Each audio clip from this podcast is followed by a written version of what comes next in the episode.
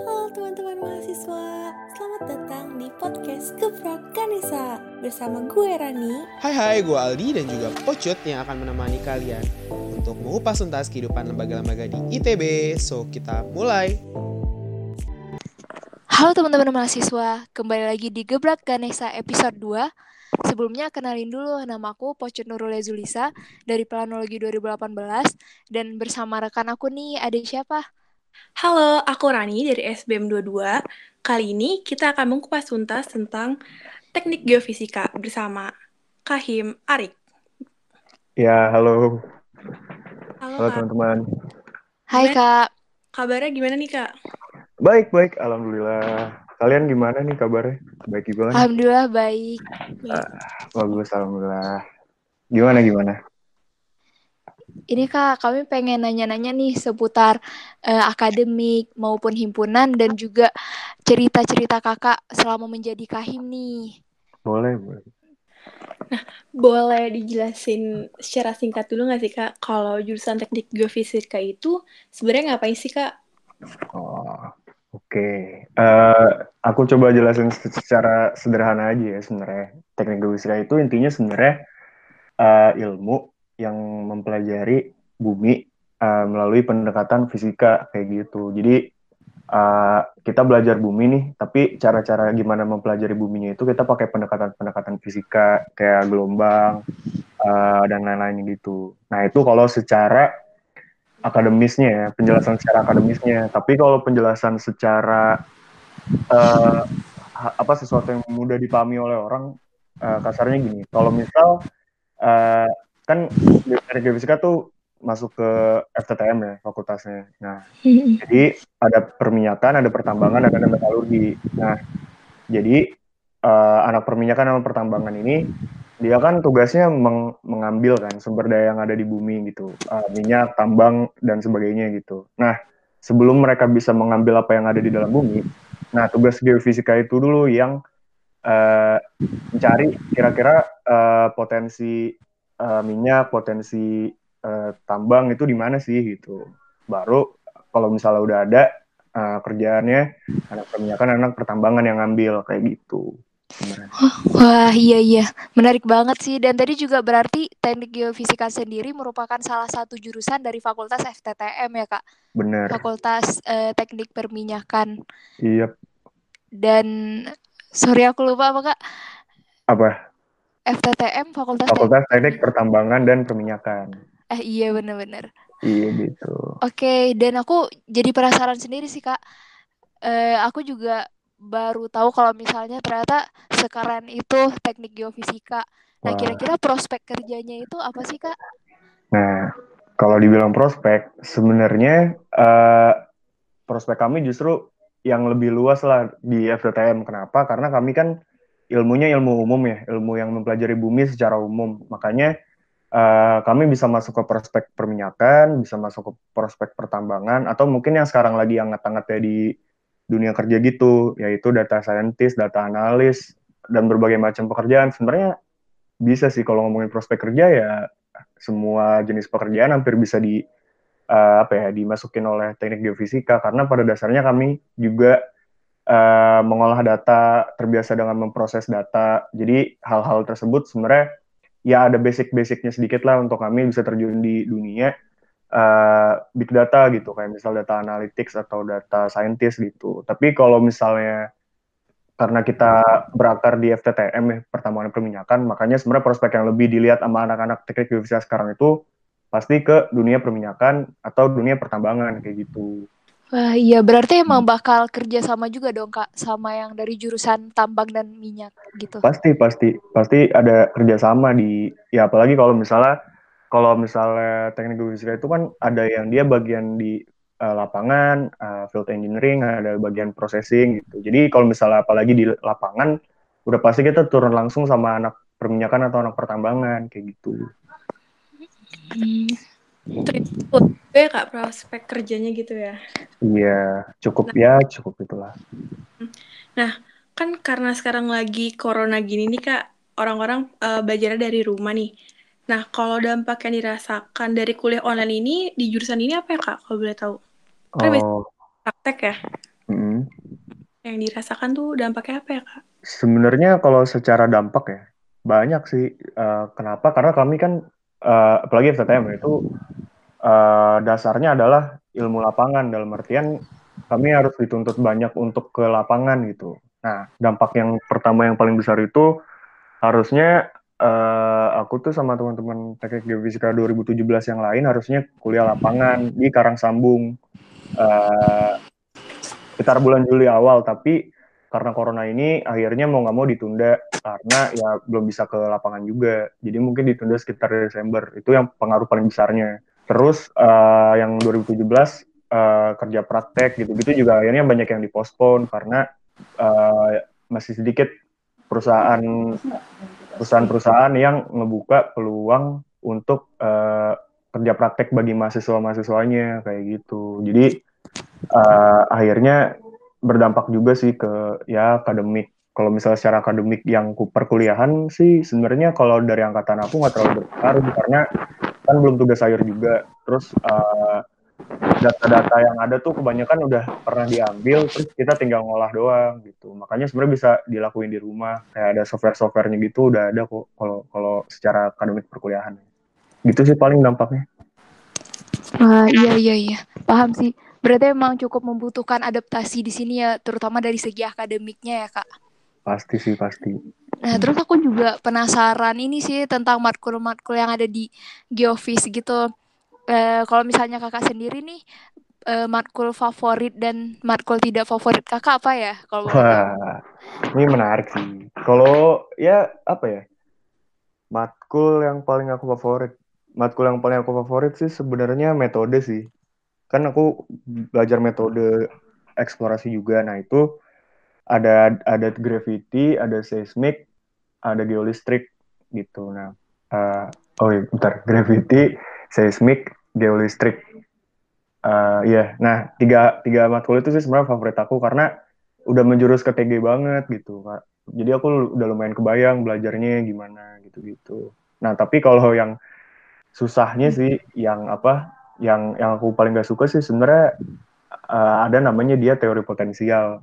Karena itu kayak aku ngulang kan, ngulang terus pas udah ngulang dapetnya jelek juga. Jadi kayak ah udahlah nih udah udah nggak ketolong gitu kan. Karena karena emang susah banget gitu. Maksudnya kayak terlalu hitung-hitungan banget juga aku nggak nggak terlalu suka gitu. Waduh ini memang berkaitan banget sama matkul Mafiki gitu ya kak? Iya apalagi fisikanya sih. Jadi fisikanya lebih advance dari TG sih eh TG dari TPB gitu lebih lebih tingkat lanjutnya makanya aku juga kesulitan gitu oh kan kalau tadi kita udah bahas matkul favorit sama tertidak favorit dari Kak Arik sendiri ya. Hmm. Nah, Kak Arik kan angkatan 2017 ya Kak? Hmm. Nah, berarti uh, udah ngalamin kan suka dukanya nih. Nah, kalau suka hmm. dukanya apa nih Kak selama di jurusan ini? Sukanya ya? Iya. Kalau sukanya sih uh, lingkungan pertama. Ya enaknya tuh teman-teman aku suportif. Uh, dalam artian sportif tuh ya bisa menyimbangkan antara antara main dan belajar lah gitu karena ya enaknya ada teman buat belajar tapi juga teman buat main gitu jadi aku ngerasa nyaman aja secara lingkungan ya kalau di teknik geofisika terus nah aku sukanya lagi eh, seniornya pun juga mendukung dalam artian uh, kating-kating aku dan ya seluruh seluruh anggota himpunan yang ada tuh uh, kesannya kayak apa ya saling membawa untuk membantu satu sama lain. Jadi bisa saling sharing juga langsung gitu. Ada kedekatan yang intim lah menurut aku. Uh, jadinya mempermudah aku dalam menjalani kehidupan akademik gitu juga sih. Cuma kalau dukanya apa ya kalau dukanya sih lebih ke aku pribadi sih kayak aku tuh aku gak nggak terlalu suka ilmu yang terlalu umum sebenarnya uh, makanya aku agak agak uh, ke kelabakan gitu agak chaos gitu karena yang aku pelajarin apalagi yang tadi aku bilang matkul yang aku paling gak suka tuh terlalu umum gitu-gitu. Tapi pas begitu udah di, di tingkat tiga aku baru suka karena udah benar-benar menjurus ke geofisika dan udah benar-benar menjurus ke ilmu-ilmu yang lebih spesifik lagi gitu. Makanya aku suka. Bukannya itu dulu kalau secara perkuliahan ya terlalu umum aja gitu. Berarti emang lingkungan itu ya kak antara akademik sama non akademiknya gitu ya? Mm -hmm. Bener bener. Oke, okay Uh, dan tadi aku juga sempat dengar nih uh, kakak nyebutin tentang himpunan ya, uh, yang uh. mana tadi tentang lingkungan-lingkungan yang mendukung itu. Nah, uh, boleh jelasin dulu nggak kak terkait himpunan itu gimana sih pandangan kakak terhadap himpunan itu apa sih kak? Oke, okay. uh, pandangan aku tentang himpunan ya sebenarnya tuh uh, ya ada ada cerita bagus dan cerita tidak bagus juga sih soal himpunan. Jadi aku jelasin cerita bagusnya. Uh, himpunan itu sebenarnya ada untuk mewadahi anggotanya yang ngasih teman-teman. Teman-teman pasti udah udah udah himpunan juga kan di himpunan masing-masing gitu. Nah, uh, himpunan tuh emang dasarnya uh, ada untuk memenuhi kebutuhan anggotanya, entah itu kebutuhan dasar dan kebutuhan lanjut, uh, atau untuk suatu wadah keprofesian uh, yang tugasnya untuk saling apa ya memberi wadah untuk mengembangkan diri gitu. Intinya gitu kan. Nah, tapi uh, berita buruknya adalah stigma di ITB itu sendiri bahwa pada dasarnya ya himpunan itu sebenarnya wadah loh gitu. Jadi himpunan itu pada dasarnya wadah yang kamu bebas memilih sebenarnya kan harus kamu ingin berhimpun atau enggak gitu. Tapi stigma yang ada di ITB yang aku rasain sih gak gak menunjukkan kalau stigma itu tuh ada. Karena ya teman-teman mungkin tahu gitu orang-orang yang gak himpunan atau orang-orang yang uh, yang gak aktif kemahasiswaan di ITB tuh rasanya kayak ada tingkatan manusia gitu kan, tingkatan manusia yang lain gitu menurut uh, ya yang aku lihat yang aku pandang gitu ya. Sebenarnya itu yang sangat aku sayangkan. Karena jatuhnya ada suatu uh, ya sifat pemaksaan yang timbul gitu karena tekanan sosial itu sendiri gitu. Nah yang aku takutin sebenarnya di kemudian hari di ke depan ke depannya hari kalau misalnya aku udah turun juga ya himpunan akan tetap seperti itu dan akan menimbulkan unsur paksaan yang pada akhirnya anggota-anggota yang ada di himpunan itu juga tidak jadi merasa apa ya ada rasa kepemilikan di himpunan itu sendiri gitu. Tidak ada rasa di mana oh gue berimpun emang karena gue mau loh gitu. Emang karena gue pengen berkembang di sini loh gitu. Tapi emang karena lingkungan sosial kalau oh gue kalau nggak berimpun kayaknya gue bakalan dijelek-jelekin misalnya atau oh mungkin gue kayaknya bakalan dijauhin sama temen-temen gue gitu nah itu sih sebenarnya paradigma yang masih salah yang menurut aku sangat aku sayangkan juga gitu Wah iya iya menarik banget sih nih gimana perspektif kakak sendiri tentang himpunan dan tadi juga sempat jelasin tentang sense of belonging dari himpunan itu sendiri ya. Mm-hmm. Nah kan uh, nama himpunan dari teknik geofisika ini kan Tera ya kak. Kalau mm. tahu nih kak kenapa namanya Tera nih kak? Ada arti yang spesifik gitu nggak ya kak dari nama Tera ini? Ya atau latar belakang gitu sih kak? Ah benar. Oke, okay. uh, eh, jadi untuk latar belakang teman-teman aja. Jadi dulu tuh Tera namanya bukan Tera, dulu tuh uh, sempat namanya uh, eh, HMGM gitu, sempat ya sempat gabung sama meteorologi juga dulu. Tapi akhirnya uh, 13 Juli 98 uh, profesor di Teknik Geofisika uh, Profesor Dr. M. Tezen itu akhirnya mendirikan Tera gitu. Nah, namanya Tera itu sebenarnya artinya tanah. Banyak nih yang salah kaprah teman-teman di luar Tera tuh biasanya kayak oh Tera pasti artinya bumi karena geofisika ya sebenarnya enggak juga ternyata setelah ya setelah dicari tahu artinya Tera itu artinya tanah bahasa Latin gitu sebenarnya kalau maknanya kenapa dinamain Teranya sendiri aku kebetulan belum punya kesempatan untuk ngobrol sama pendirinya langsung sih sebenarnya aku pengen banget ngobrol sama uh, Profesor Dr. Entezen itu sendiri cuma uh, ya yang aku tahu pokoknya Tera itu artinya tanah gitu kalau secara arti harfiahnya ya. Cuma kalau pengertian tanah itu yang dimaksud apa, sebenarnya nggak pernah ada uh, koridor khusus kalau kamu harus memaknai Tera itu seperti apa. Tapi ya emang aku sih lebih setuju, lebih baik uh, orang-orang yang ada di Tera itu menganggap Tera sesuai apa yang mereka mau sendiri gitu. Ya Tera itu artinya tanah. Ya tanah menurut kamu itu seperti apa? Apakah dia sesuatu yang bisa menumbuhkan uh, kehidupan baru kayak misal kalau kamu lihat tanah di tumbuhan ya berarti artinya dia tuh tempat kehidupan tumbuhan gitu dia tempat kehidupan suatu insan tertentu atau kamu menghadap Tera itu sebagai ya sesuatu hal yang emang selalu membumi gitu selalu selalu berada di bawah gitu nggak pernah sombong misalnya nggak pernah tinggi hati untuk selalu merasa di atas gitu banyak sih sebenarnya pengertian Tera itu sendiri gitu Wah, oke oke. Berarti eh, emang nggak ada koridor khusus yang memaknai tentang Tera ini, tapi memang diharapkan masing-masing masanya itu punya definisinya masing-masing terhadap si Tera ini ya kak. Yeah. Nah, eh, btw aku juga sempat nih ngeliat di internet gitu ada websitenya Tera. Nah, aku hmm. juga udah ngebaca sedikit ada sejarahnya dan juga ada program kerjanya. Nah, kayaknya menarik banget sih nih Kak. Aku hmm. penasaran sama proker terbesar apa sih di Tera di kepengurusan sekarang, Kak? Hmm.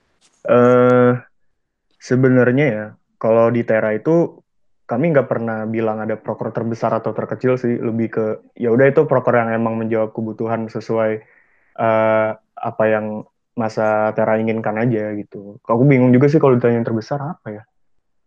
Hmm, kalau kata pendahulu-pendahulu aku sih sebenarnya yang paling besar itu selalu kaderisasi sih. Cuma aku pribadi juga sebenarnya kurang sepaham sama pandangan itu karena menurut aku uh, program kerja di Tera itu emang semuanya besar sih menurut aku kalau misalnya harus dipilih dibilang ya menurutku semua besar. Cuma kalau misalnya event ada suatu event tuh paling ada BSO Tera namanya IGC IGC TB 2020 gitu Indonesian Undergraduate Geophysical Competition yang harusnya uh, kalau emang nggak corona kayak gini, kalau misalnya emang acaranya lancar itu uh, IGC TB 2020 itu bakalan nge-upscale ilmu geofisika ke Southeast Asia gitu. Jadi bakalan go internasional gitu.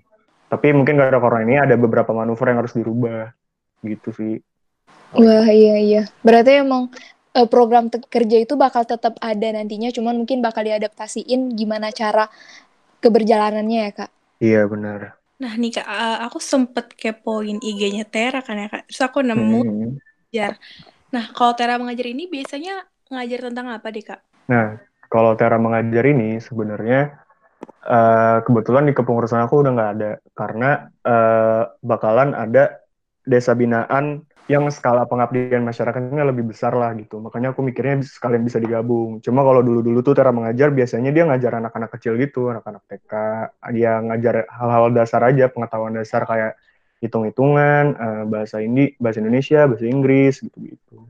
Oh, berarti emang selain akademik, uh, himpunan Tera juga ini ya kak, kayak mengabdi kepada masyarakat sekitar gitu ya. Keren sih kak. Hmm. Benar, benar. Nah, kalau ada nggak sih kak yang berbeda nih dari dari yang dibawa ke ke pengurusan kakak sekarang sama sebelumnya? Yang beda ya? Iya. Hmm, sebenarnya uh, pertama sih tanpa tanpa aku harus bisa definisikan bedanya, sebenarnya kan udah pasti beda ya, kan karena yeah. ya ini corona gitu kan, pasti pasti beberapa pendekatan himpunan tuh yang beda gitu. Cuma hmm. kalau aku sih waktu itu konsepnya ya, konsep dasarnya aku pengen jadi KM itu karena aku pengen bikin himpunan ini bisa dirasain di mana aja, kapan aja, dan sama siapa aja untuk anggotanya gitu.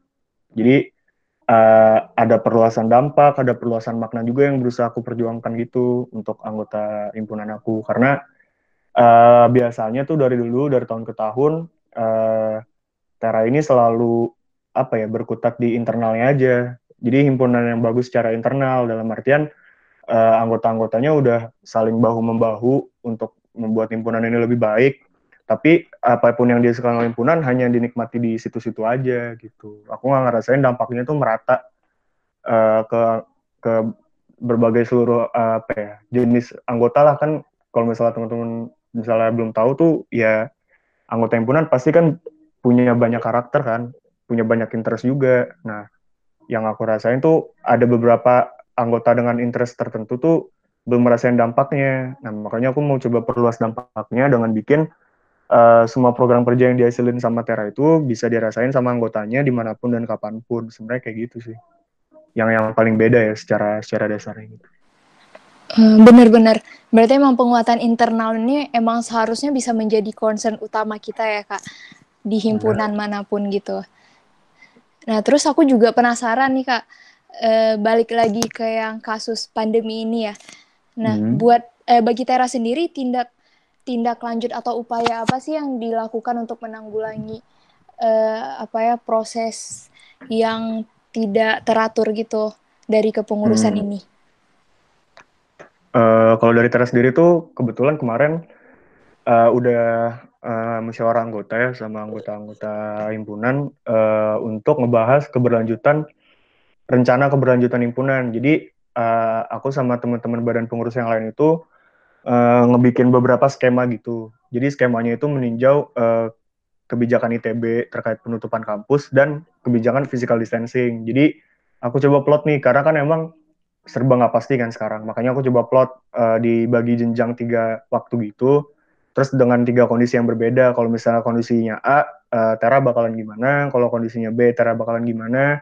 Kalau kondisinya C, Tera bakalan kayak gimana? Kayak gitu. Kalau yang untuk menanggulangi corona ya. Sama untuk prokernya sendiri, aku sama yang lain udah coba buat semuanya bisa jadi online engagement gitu. Jadi ada beberapa metode yang harus dirubah karena kan ada physical distancing dan ada ya kampus kan juga tutup. Jadi mau nggak mau beberapa proker harus disesuaikan dengan kondisi tersebut yaitu dengan melakukan program kerja secara online kayak gitu.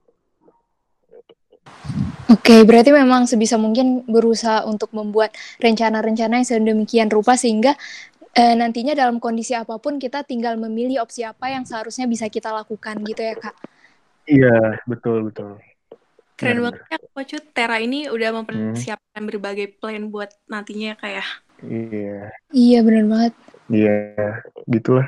Uh, setelah Kak Arik naik nih jadi Kahim, perubahan yang dirasakan uh, uh. Kak Arik ini apa nih? Apakah jadi lebih terkenal? Oh. Gimana nih Kak?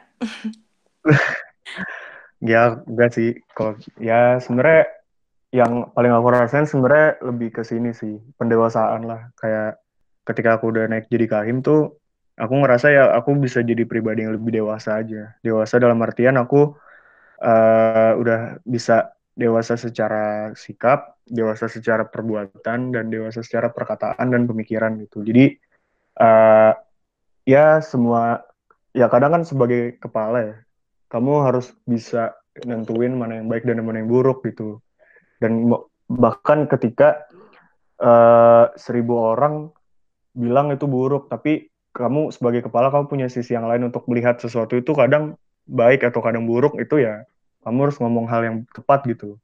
Beda kan kalau misalnya dulu sebagai ya ya kalau aku pribadi dulu sebagai masa biasa aku nggak punya aku nggak punya power untuk itu gitu. Aku nggak hmm. punya uh, privilege untuk itu. Tapi sekarang ya alhamdulillahnya karena terpilih aku jadi punya privilege untuk ya mengarahkan uh, himpunan ini menjadi lebih baik gitu. Menjadi hmm. lebih uh, baik. Dan alhamdulillah juga ketika aku menjabat itu ya aku bisa menjadi pribadi yang lebih baik yang tadi aku bilang. Aku udah udah cukup lebih dewasa gitu dibanding diri aku yang sebelumnya gitu. Karena ya dulu bisa dibilang aku orang yang emang ya insecure atau orang yang ngerasa ya kayaknya gue nggak bakal jadi apa-apa gitu. Terus kayaknya ya apa pun yang gue omongin kayaknya juga nggak bakal didengar orang lain siapa sih yang peduli gitu. Tapi sekarang gara-gara ya amanah yang dikasih sama teman-teman aku ya aku jadi punya tanggung jawab untuk membuktikan ke mereka kalau ya sebenarnya uh, ada beberapa hal dan ada beberapa nilai yang mau aku coba tanam di Tera gitu dan ini ke, untuk kebaikan banyak umat gitu loh kasarnya untuk kebaikan banyak uh, orang. Jadi itu juga ngajarin aku yang jadi kayak ngajarin aku juga untuk selalu memberi gitu dan selalu ikhlas dalam melakukan apa pun. Karena balik lagi kan ya kalau kalau aku pribadi sih percaya kamu nggak akan bisa menyenangkan semua orang ya nggak sih? Itu itu udah hal yang ya ya sering teman-teman dengar juga kan. Tapi ketika kamu menjadi kahim kamu nggak boleh terlalu larut dalam hal itu dalam artian kalau misalnya kamu terlalu mikirin iya sih gue emang nggak pernah bisa nyenangin orang lain ya udahlah gue nggak usah melakukan yang terbaik tapi bukan itu intinya kalau menurut aku intinya lebih ke ya udah kamu bisa melakukan yang terbaik dulu gitu. Soal orang senang atau tidak, ya itu urusan nanti gitu. Toh orang tahu niat kamu baik dan orang nggak perlu tahu pun ya Tuhan tahu nilai niat kamu baik gitu. Jadi nggak ada yang perlu disesali atau nggak ada yang perlu dipikirin. Ya jalanin aja semua dengan ikhlas dan sabar gitu. Karena menurut aku ya keindahan hidup tuh ketika kamu bisa melayani gitu menurut aku ya pribadi. Ketika kamu bisa memberi manfaat sama orang lain gitu. Aduh. Iya, iya quote-quote Karik emang keren banget ya nggak sih Ran? Mantap banget sih. Kayak emang yeah. Kita nggak bisa uh, membahagiakan orang lain sendiri ya. Yang penting dari niat diri kita sendiri aja dulu nih, ya kan ya. Iya. Dan dari jawaban Kak Arik juga aku melihat gimana kita sebagai ketua itu bisa menjadi role model yang mana kita punya privilege ya untuk bisa menjadi lebih baik hmm. bagi diri sendiri maupun himpunan kita. Dan uh, Kak Arik juga sempat nyinggung masalah penanaman nilai yang Kak Arik ingin berikan kepada himpunan gitu. Nah, aku jadi penasaran nih Kak. Uh, kakak sendiri apa sih yang memotivasi kakak buat pengen jadi ketua himpunan dan gimana sih rasanya setelah kepilih jadi ketua himpunan gitu kak? Hmm, Uh, kalau apa ya motivasi di balik aku jadi kahim sih ada dua sih sebenarnya. Aku percaya tuh motivasi itu kalau kalau aku pribadi ya, aku selalu menggolongkan motivasi itu motivasi untuk orang lain dan motivasi untuk diri sendiri gitu. Nah kalau motivasi untuk orang lain sebenarnya uh, aku dipancing sama apa ya kondisi kok apa ya kondisi kalau kok kayaknya dampak yang dikasih sama Tera tuh gak, gak merata ya kayak orang-orang yang biasanya ngerasain uh, program kerja yang seru, yang asik, yang fun kok cuma bisa untuk orang-orang yang privilege aja yang punya privilege lebih dalam artian uh, oh dia dia sering datang ke himpunan atau atau oh kuliahnya nggak berantakan gitu. Oh uh, teman-temannya banyak di Tera gitu. Oh uh, teman-temannya nyambung sama Tera. Makanya mereka bisa datang ke proker-proker Tera. Tapi kok orang-orang yang nggak punya privilege lebih ya orang-orang yang ma mohon maaf kayak agak kesulitan untuk kuliah kok ngerasanya nggak nggak nggak terlalu kena dampaknya ya gitu. Nah dari nah dari situ mikir gimana ya caranya supaya himpunan itu bukan hanya sekedar apa ya biar lebih simpelnya bukan hanya sekedar sekretariat gitu bukan hanya sekedar sekre yang bisa ditongkrongin doang tapi ada dampak nyata yang bisa dihasilin dan semua orang bisa nikmatinnya gitu. Tanpa perlu mikirin uh, ya gue uh, udah berdampak balik belum ya ke Tera atau gue belum uh, eh, gue udah jadi anggota yang baik belum ya gitu. Karena aku percaya ya himpunan ini himpunan itu harus selalu meningkatkan daya jualnya. Makanya aku coba oke okay, gimana caranya kita meningkatkan daya jual agar uh, hasil dari Tera ini bisa dinikmatin sama siapa pun anggotanya gitu, di mana pun anggotanya berada, entah dia mau di rumah, mau di uh, kosan, mau di mana, di gunung segala macem, mereka tetap bisa gitu. Nah dari situ itu yang memotivasi aku untuk orang lain gitu. Oh, gue pengen orang lain bisa ngerasain yang gue rasain gitu. Karena dulu aku salah satu orang yang mungkin ya sering main ke himpunan, temenku banyak di himpunan, jadi aku seneng aja kalau berkegiatan di terat tapi aku nggak ngerasa orang lain ngerasain hal yang sama kayak aku gitu. Makanya aku coba pengen bikin uh, ya tera untuk semua lah gitu. Jadi ya narasi yang aku bawa kan juga rumah ya. Jadi kapan pun kamu mau balik ya kamu kamu dipersilakan untuk balik. Uh, aku akan nge-welcome kamu karena ini sebuah rumah gitu. Tapi kalau misalnya ada kesibukan lain ada ya ada kepentingan lain di luar tera ya aku akan ter tetap terus mendukung gitu. Karena ya balik lagi ini kan dasarnya rumah gitu. Di mana kamu tempat kamu untuk mengembangkan diri tempat kamu untuk melakukan apa pun yang kamu mau ya Tera bakal nge-provide itu gitu. Dan apa pun yang terjadi Tera akan tet tetap terus mendukung kamu gitu. Itu sih sebenarnya motivasi buat orang lain. Nah kalau buat aku pribadinya uh, gini sih. Kalau aku aku mikir juga dulu tuh uh, gini uh, aku baca bukunya Sogi, baca buku yang lain-lain, Sapardi Joko Pramono gitu-gitu, aku lihat ini orang kok udah hidup dari beberapa puluh tahun yang lalu gitu, udah eh udah ma udah nggak ada dari beberapa tahun yang lalu gitu, tapi aku masih bisa baca dia, mesti aku masih bisa baca karyanya dia gitu, aku masih tahu dia tuh berpikirnya kayak gimana, walaupun dia sebenarnya udah nggak ada di dunia ini gitu. Aku aku ngelihat karya itu sebagai suatu hal yang masif ternyata sebagai apa ya, sebagai sebuah uh, hasil yang ternyata berdampak loh gitu. Bahkan ketika kamu udah mati sekalipun dan akhirnya aku mikir, oh uh, aku juga pengen dikenang seperti mereka gitu. Gue juga pengen nih jadi orang yang bisa dikenang sama orang lain kan, karena karyanya. Makanya itu yang berusaha aku terapin ke diri sendiri. Oke, okay, uh, alhamdulillah aku udah kepilih. Ini privilege yang udah diamanahin. Aku harus bisa bikin karya-karya yang nantinya gak bakal lekang oleh waktu dan apa pun yang terjadi ketika nanti aku balik ke Tera lagi, kalau aku udah udah besar, oh ini hasil karya gue dulu loh gitu. Bahkan ini saat berdampak untuk orang banyak gitu. Gitu sih sebenarnya. Wah, iya. Semoga emang optimisme, semangat perjuangan yang ingin kakak bawa di himpunan ini bisa terrealisasikan ya. Amin. Iya, amin, amin, amin. Thank you.